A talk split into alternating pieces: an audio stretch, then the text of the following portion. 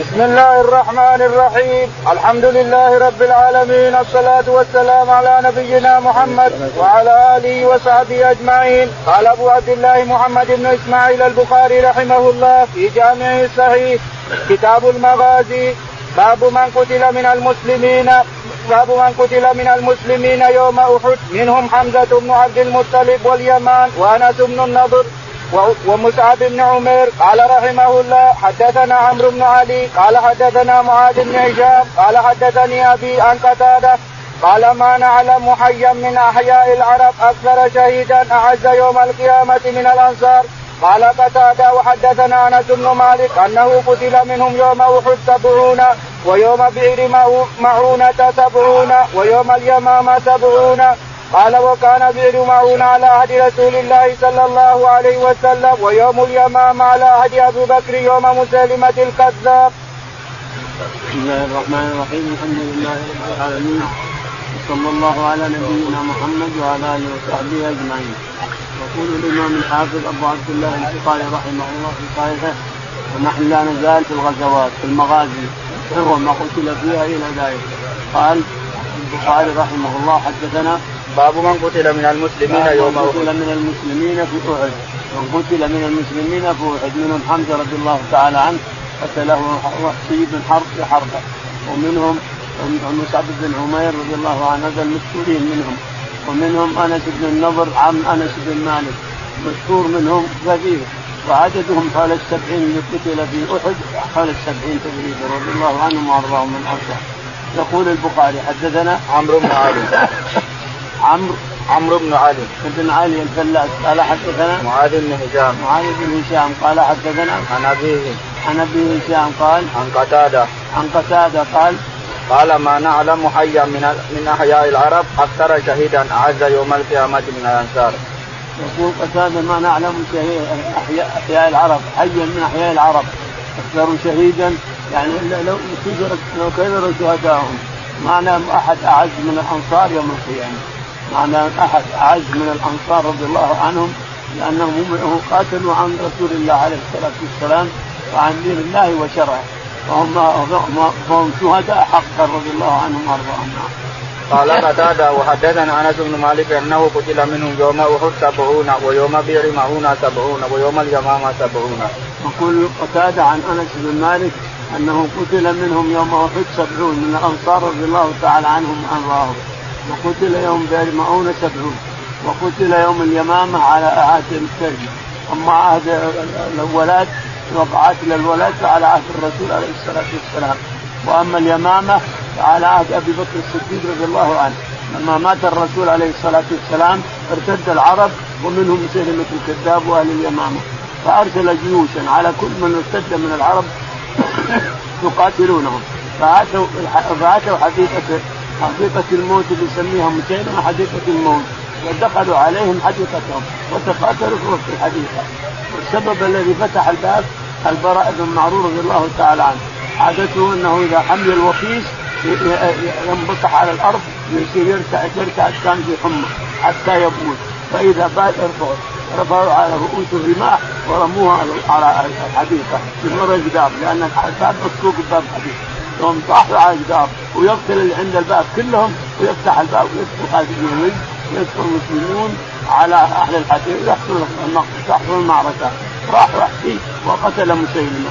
ويقال إنه أبو زيد أيضا حذف رأسه. شاهد هذا كله قال رحمه الله حدثنا قتيبة بن سعيد قال حدثنا الليث عن ابن شهاب عن عبد الرحمن بن كعب بن مالك أن جابر بن عبد الله رضي الله عنهما أخبره أن رسول الله صلى الله عليه وسلم كان يجمع بين الرجلين من قتلى أحد في ثوب واحد ثم يقول أيهم أكثر أخذا للقرآن فإذا أشير له إلى أحد فقدمه في اللحد وقال أنا شهيد على هؤلاء يوم القيامة.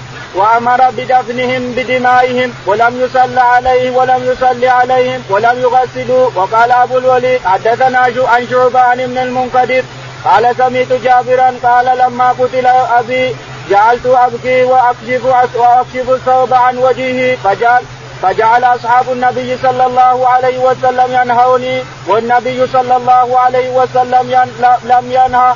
وقال النبي صلى الله عليه وسلم لا تبكي أو ما تبكي.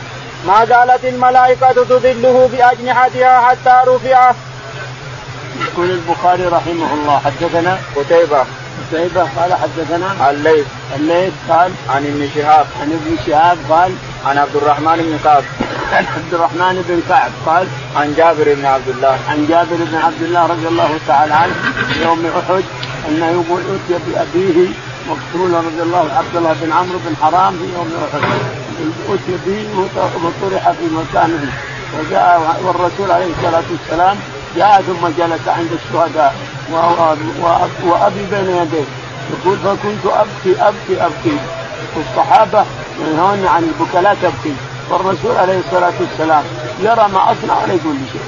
يرى ما أصنع من البكاء والتحسر ولا يقول ولا قال لي شيء حتى جاء الملائكة ورفعوه. قال تبكي أو ما تبكي. ما زال الملائكة تظلله حتى رفعتموه. حتى رفع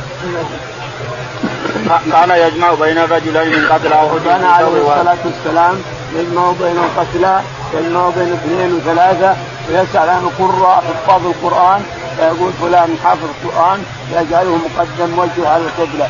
ثم اللي يليه ثم اللي يليه ثم على القبلة.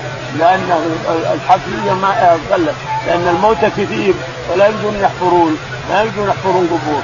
لكن كل حفرة فيها اثنين ثلاثة حتى انتهوا. صلى عليهم على أربع ما عدا حمزة صلى خمسة صلى عليه خمسة.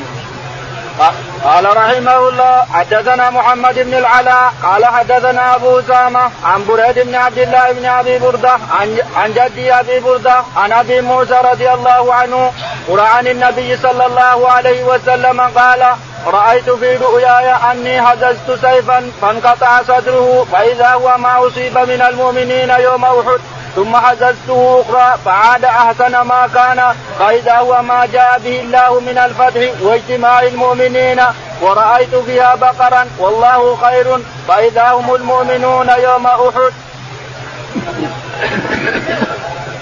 يقول البخاري رحمه الله حدثنا محمد بن العلاء. محمد بن العلاء أبو كريب قال حدثنا أبو أسامة. أبو أسامة حماد قال حدثنا عن بريد بن عبد الله. عن بريد بن عبد الله بن أبي بردة قال عن جده.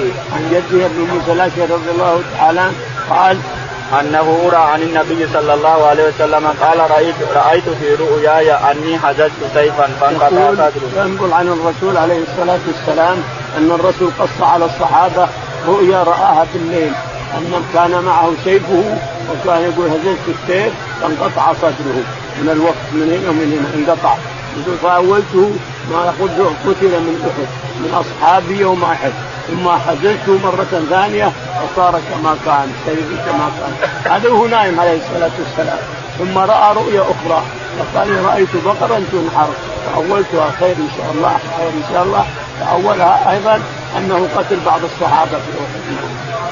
قال رحمه الله حدثنا أحمد بن يونس قال حدثنا زهير قال حدثنا الأعمش عن شقيق عن خباب رضي الله عنه قال هاجرنا مع النبي صلى الله عليه وسلم ونحن نبتغي وجه الله فوجب أجرنا على الله فمنا من مضى أو ذهب لم يأكل من أجره شيئا.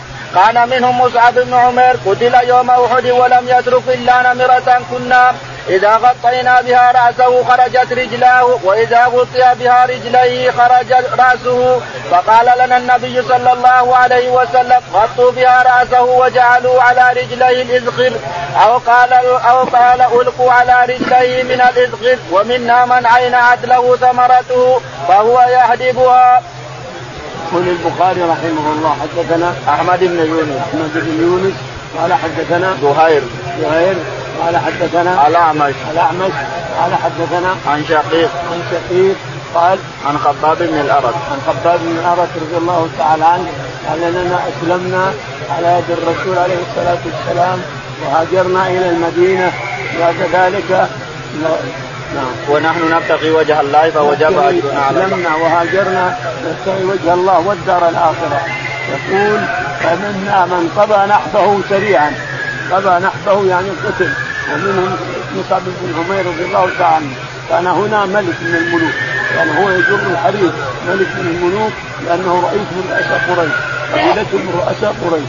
فلما هاجر المدينة افتقر رضي الله تعالى عنه. ولا ولا وجدوا يكفنونه به إلا نمرة عليه. وضعوها على كتفه. طلعت رجليه ووضعها رجليه. فقال الرسول ضعوها على كتفه إلى الطول ثم حطوا الاخبر على الباقي.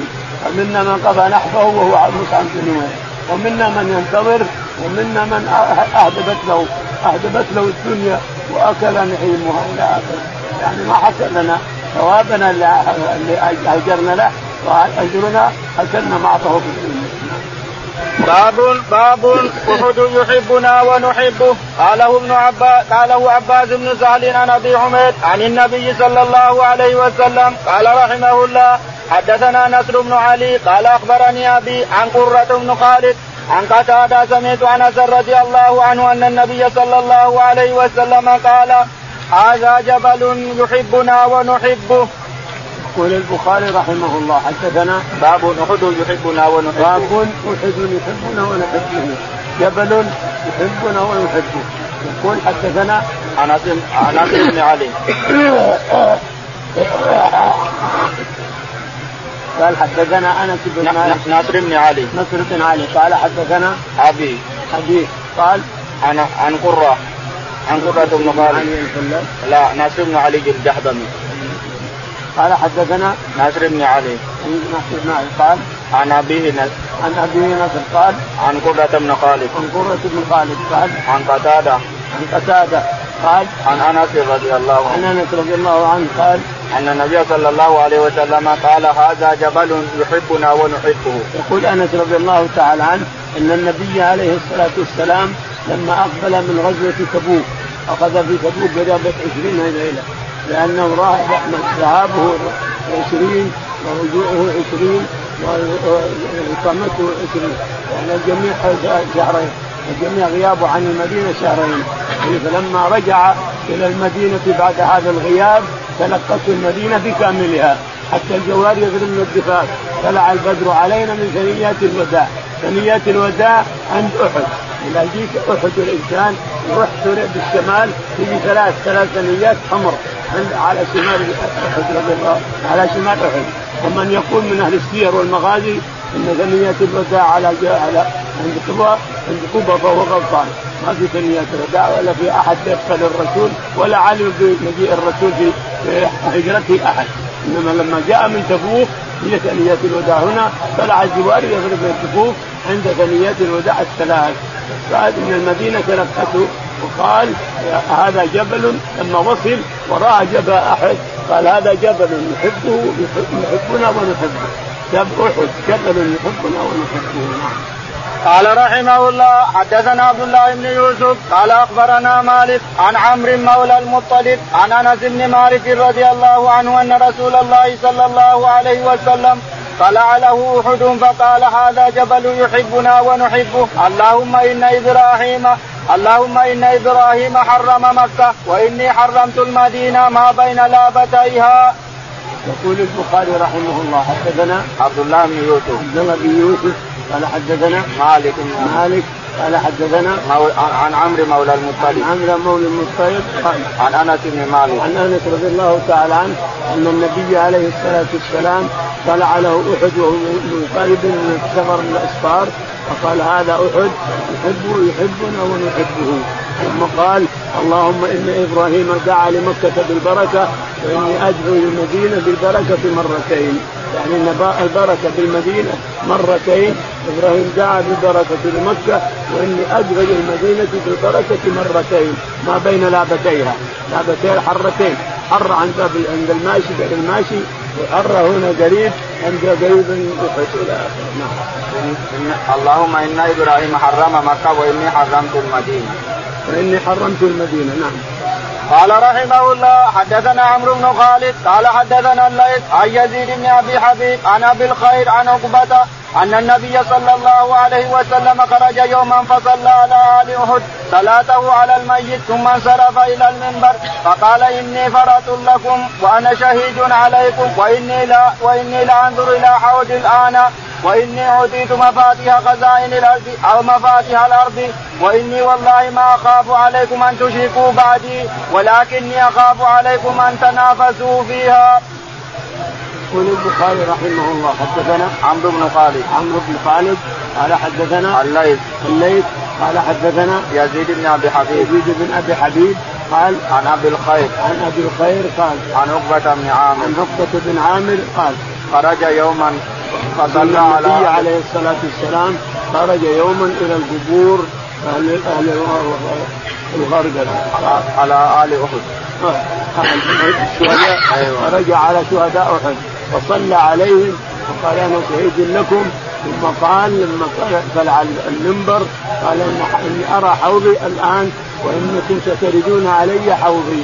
حوض الرسول عليه الصلاة والسلام خارج في العركات في معركه القيامة. في عركات القيامة موجود عند حوضه. حوضه وكرسيه عند يوم الحوض. ويرد عليه أمته عليه الصلاة والسلام يعرفهم ويعرفونه. يعرفهم ويعرفونه. ويردون عليه ويرحب بهم مرحبا مرحبا ثم يردون الحوض.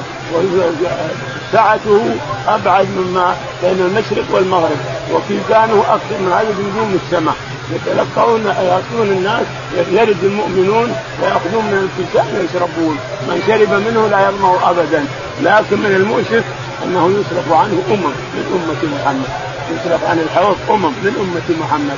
يردون على النبي عليه الصلاة والسلام ويرونه ويعرفونه ويعرفهم ثم يقول تاتي الملائكة الملائكة النار بسياط من حديد ثم يصرفونهم.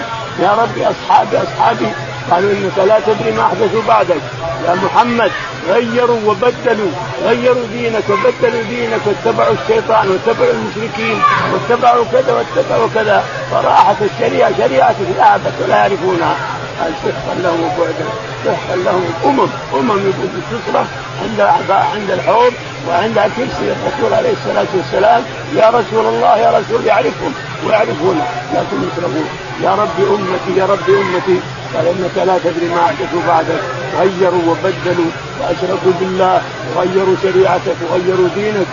ويقول ابن شيخ لهم هذا الحديث يرد على الحديث الذي يقول الناس إن الرسول عليه الصلاة والسلام قال إنها تعرض علي أعمالكم في القبر هذا لا يصح لأنه نسخه هذا الحديث. الحديث هذا في الصحيحين. الحديث الأخير هذا في الصحيحين. الحديث الأول في السنن لكنه ضعيف جدا. نعم. وإني اوتيت مفاتيح خزائن الأرض أو مفاتيح الأرض وإني والله ما أخاف عليكم أن تشركوا بعدي ولكن أخاف عليكم أن تنافسوا فيها. تمام الحديث. وإني أوتيت مفاتيح الأرض ولكنه رفض عليه الصلاة والسلام قال اكون نبيا فقيرا. ولا اكون ملكا غنيا. واني أخاف عليكم ما أخاف عليكم الدنيا ولا أخاف عليكم الفقر ولا أخاف لكن أخاف أن تفتح الدنيا فتنافسوها كما تنافسوها هم أنتم تنافسون هذه الدنيا كما تنافسها من قبلكم. باب غزوة الرجيع ورع وذكوان وبئر معونة وحديث عدل والقارة وعاصم بن ثابت وخبيب وأصحابه قال ابن إسحاق حدثنا عاصم بن عمر أنها بعد أحد يقول البخاري رحمه الله حدثنا باب غزوة الرجيع باب غزوة الرجيع حدثنا ورعل وذكوان ورعل وذكوان الذين قتلوا أصحاب الرسول عليه الصلاة والسلام. يقول حدثنا وحديث عدل. وحديث عدل. عدل. والقارة. والقارة طيب. قال ابن إسحاق حدثنا عاصم بن انها أنها بعد أحد. يقول أنها بعد أحد يعني الغاره والرعل والاكوان وقتل بئر معونه السبعون بعد أحد. لا شك أنها بعد أحد. يعني ما بين أحد وبدر شيء. ما بين أحد وبدر قتل ولا بين مغازي ولا سرايا. إنما هذه أول سريه بعثها الرسول عليه الصلاة والسلام لحاجة من الحاجات يكشفون الطريق. ولكن تعرض لهم هؤلاء. اللي هم ما يبونهم. ما راحوا الرعل والذكوان ولا لما تعرض رعل وذكوان تعرض لهم. إذا الرسول يرسلهم لحاجة يكشفون يكشفون أخبار قريش إلى قال رحمه الله حدثنا إبراهيم بن موسى قال أخبرنا هشام قال أخبرنا هشام بن يوسف عن معمر الزهري عن عمرو بن أبي سفيان الثقفي عن أبي هريرة رضي الله عنه قال بعث النبي صلى الله عليه وسلم سرية عينا وأمر عليهم عاصم بن ثابت وهو جد عاصم بن عمر بن الخطاب فانطلقوا حتى إذا كان بين عسفان ومكة ذكروا لحي من هذيل يقال له بنو لحيان فتبعوهم بقريب من مئة من مئة رام فاقتصوا آثارهم حتى أتوا منزلا نزلوه فوجدوا فيه نوى فوجدوا فيه نوى تمر تزودوه من المدينة فقالوا هذا تمر يثرب فتبعوا آثارهم حتى لحقوهم. فلما انتهى عازم وأصحابه لجأوا إلى إلى فدفد وجاء القوم فأحاطوا بهم. فقال لكم العهد والميثاق. إن نزلتم إلينا ألا نقتل منكم رجلا. فقال عازم أما أنا أما أنا فلا فلا أنزل في ذمة كافر. اللهم أخبر أن نبيك فقاتلوهم حتى قتلوا عاصما في سبعة نفر من النبل وبقي خبيب وزيد ورجل آخر فعاتوهم العهد والميثاق. فلما عاتوهم العهد والميثاق نزلوا إليهم. فلما استمكنوا منهم حلوا أوتار قسيهم فربطوهم بها فقال الرجل الثالث الذي معهما هذا أول غدرة فأبى أن يصحبهم فجروه عال وعالجوه على أن يصحبهم فلم يفعل فقتلوه وانطلقوا وانطلقوا بخبيب وزيد حتى باعوهما بمكة فاشترى خبيبا بنو, بنو الحارث ابن عامر بن نوفل وكان خبيب هو قتل الحارث يوم بدر فمكث عندهم اسيرا حتى إذا اجمعوا أجمعوا قتله استعار موسى من بعد من بعد بنات الحارث استحد بها فأعارته قالت فغفلت فغفلت عن سبي لي فدرج إليه حتى أتاه فوضعه على فخذه فلما رأيته فزعت فزعة عرف عرف ذاك مني وفي يد وفي يد وفي يده موسى فقال أتخشين أن اقتله ما كنت لأفعل ذلك إن شاء الله تعالى؟ وكانت تقول ما رأيت أسيرا قط خيرا من خبيب لقد رأيته يأكل من قطف عنب من قطب من قطب عنب وما بمكة يومئذ ثمرة وإنه لموثق في الحديد وما كان إلا رزق ورزقه الله فخرجوا بهم من من الحرم ليقتلوه. فقال دعوني أصلي ركعتين ثم انصرف إليهم. فقال لولا لولا اني انما بي جزع من الموت لزدت. فكان فكان فكان أول من من سن الركعتين عند القتل هو ثم قال اللهم عزهم عددا ثم قال ما أبالي حين أقتل مسلما على أي شق كان لله مصرعي وذلك في ذات الإله وإن يشاء. يبارك له صالح ممزع ثم قام إليه عقبة بن الحارث وقتله وبعثت قريش إلى عاصم ليؤتوا ليؤتوا بشيء من جسده يعرفونه وكان عاصم قتل عظيما من عظمائهم.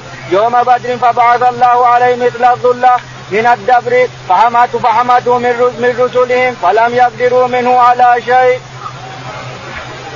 لما جاء الليل راح بس. إنسان الحديث. يقول البخاري رحمه الله حدثنا إبراهيم بن موسى. بن موسى قال حدثنا هشام بن يوسف. هشام بن يوسف قال عن معمر. عن معمر قال عن الزهري. عن الزهري قال عن عمرو بن أبي سفيان. عن عمرو بن أبي سفيان الثقفي قال عن أبي هريرة رضي الله عنه. عن أبي هريرة رضي الله تعالى عنه أنه قال بعث النبي صلى الله عليه وسلم سرية بعث النبي عليه الصلاة والسلام سرية عينا أو إنهم ينظرون السيف لقريش. الشاهد أن حذيل وصية وعكوان وغيرهم من العرب اعترضوا لهم. وما يبون انه يبون يتعدون. لكن هذول نعوذ بالله اعترضوا لهم لأن الكفار لأن العرب الكفار يتعرضون الناس يأكلون يبيعون هذا يقتلون هذا ياخذون الشربات إلى آخره. تعرض لهم الليل تعرضوا عليهم العصية وبنو قبائل أو أربع قبائل من من هذيل. قال اعترضوهم وتبعوهم الصحابة سبعين وتبعهم مئة رجل. تبعوهم حتى رأوا النوى نوى يثرب قالوا هذا نوى المدينة ثم تبعوهم حتى وصلوا إليهم.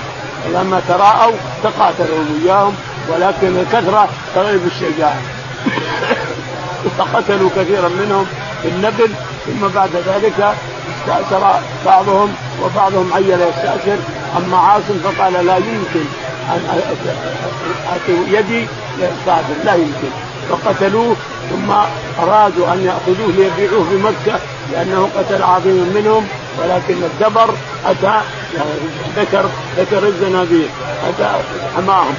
يحل يصيح يصيح يحوم حوله. لما أمسى المساء أرادوا ياخذوا جاء السيل وشالوا ولا يجي لأنه دعا ربه أن لا يمسه مشرك لا وهو حي ولا هو ميت. لا يمس جسده مشرك لا وهو حي ولا هو ميت. فأخذه الله استجاب الدعاء فاخذ فباعوا خبيبا إلى مكة. فباعوا خبيب اخذوا خبيب استسلم خبيب لهم فربطوه وأتوا به إلى مكة وباعوه إلى بنت الحارث وقتل الحارث في بدر. باعوه إليهم. هذا مقصود الاعراب أنه يبيع الرجل بفلوس هي تقتله وكيف يذلك به الشاهد أنه جلس عند أصحاب سعد بن ابن الحارث الذي قتل أبوه. فجلس عند ابنته الحارث. مربوط مكتب بالحديد يقول يوم من الأيام احتاج إلى موس يستحد به. الشعر يزيل الشعر الشعره العانه يزيلها يقول فصادف أن الموس بيده وصادف أن ولد المرأة جاء يزحف يزحف يزحف حتى وصل إلى خبيب فضمه خبيب وجعله على فخذيه. فلما رأت المرأة الموس والولد زعلت زعلت فضحك قال تخشى أن اقتله؟ لا لا تخافين هذا تخشى أن اقتله لا تخافين هذا الشاهد ما رايت مثل خبيب ما رأيت مثل خبيب والله إنه لا يأتيه رطب العنب ومكه ليس فيها ثمر فأخرجوه من الحرم وقتله ولد الحاج كعب ولكنه قال دعوني أصلي. صلى ركعتين ثم قال لولا أن ترون أني جزع الصلاة. ولكن يكفي ركعتين. فلما سلم قتلوه رضي الله عنه وقال بيتين يتمثل ولست أبالي ان يقتل مسلما. على أي جنب كان لله المصلحه وذلك في ذات الإله وإن يشاء يبارك على اوصال شرب ممزعين قال رحمه الله حدثنا عبد الله بن محمد قال حدثنا سفيان عن عمرو سمع جابرا يقول الذي قتل خبيبا وهو أبو سروعه. يقول الذي قتل خبيب أبو سروعه عن الكعب. قال رحمه الله حدثنا أبو معمر قال حدثنا عبد الوارث قال حدثنا عبد العزيز عن أنس رضي الله تعالى عنه قال بعث النبي صلى الله عليه وسلم سبعين رجلا من لحاجة يقال له القراء فعرض لهم حيان من بني سليم ورع وذكوان عند بعل يقال له بعل معونة فقال القوم والله ما إياكم أردنا إنما نحن مجتازون في حاجة للنبي صلى الله عليه وسلم فقتلوهم فدعا النبي صلى الله عليه وسلم عليهم شهرا شهرا في صلاة الغداة وذلك بدء القنوت وما كنا وما كنا نقنط قال عبد العزيز وسأل رجل أنسا عن القنوت أبعد الركوع أو عند فراغ من القراءة؟ قال لا بل عند فراغ عند فراغ من القراءة. يقول البخاري رحمه الله حدثنا عبد الله بن محمد. عبد الله بن محمد قال حدثنا أنا قطعت أبو معمر. حدثنا أبو معمر. قال حدثنا عبد الوارث عبد الوارث قال حدثنا عبد العزيز. عبد العزيز. قال حدثنا عن أنس. عن أنس قال قال بعث النبي صلى الله عليه وسلم سبعين رجلا من لحاجته يقال له الرسول عليه الصلاة والسلام سبعين رجلا لحاجة ورأسهم عاصم رضي الله عنهم أجمعين. فاعترضت لهم وأرسلهم لحاجة عليه الصلاة والسلام اعترضت لهم بيع الذكوان قبائل من هذيل تجمعهم هذيل وأخذوهم وقتلوا بعضهم وسبوا بعضهم وذبحوا بعضهم عند مكة. ودعا عليهم الرسول عليه الصلاة والسلام شهرا يصبح على رعل وذكوان وعصيه عصت الله ورسوله. شهر. يقنط في الانس أي الوقت يقنط أيهم عند رفعه من الركوع أو بعد أو قبل أو انتهاء الاقرار عند انتهائه من القراءه إذا انتهى فللظالمين ثم قرأ السورة فقال اللهم عليك بريع وذكوان وعصيه فان يعني هو واقف قبل أن يركع. وفي رواية أنه يركع وإذا رفع قنتا كله جائز تقنط حينما تنتهي من القراءة أو تقنط حينما ترفع رأسك من الركوع. كل هذا ورد وكل هذا جائز. قال رحمه الله حدثنا مسلم قال حدثنا هشام قال حدثنا قتادة عن أنس قال قنت رسول الله صلى الله عليه وسلم شهرا بعد الركوع يدعو على أحياء من العرب. يقول البخاري رحمه الله حدثنا مسلم. مسلم. قال حدثنا هشام. هشام. قال حدثنا قتادة. قتادة. قال عن أنس. عن أنس. قال قال قنات رسول الله صلى الله عليه وسلم شهرا بعد الركوع يدعو على أحياء من العرب. قنت الرسول الرسول شهرا يدعو على أحياء من العرب الذين خانوا الله ورسوله وقتلوا الصحابة رضي الله تعالى عنهم أجمعين. قال رحمه الله حدثنا عبد العالى بن حماد قال حدثنا يزيد بن زريع قال حدثنا سعيد عن قتادة عن أنس بن مالك رضي الله عنه أن رعل وزكوان وعسيا وبني الاعيان استمدوا رسول الله صلى الله عليه وسلم على عدو فأمدهم بسبعين من الأنصار.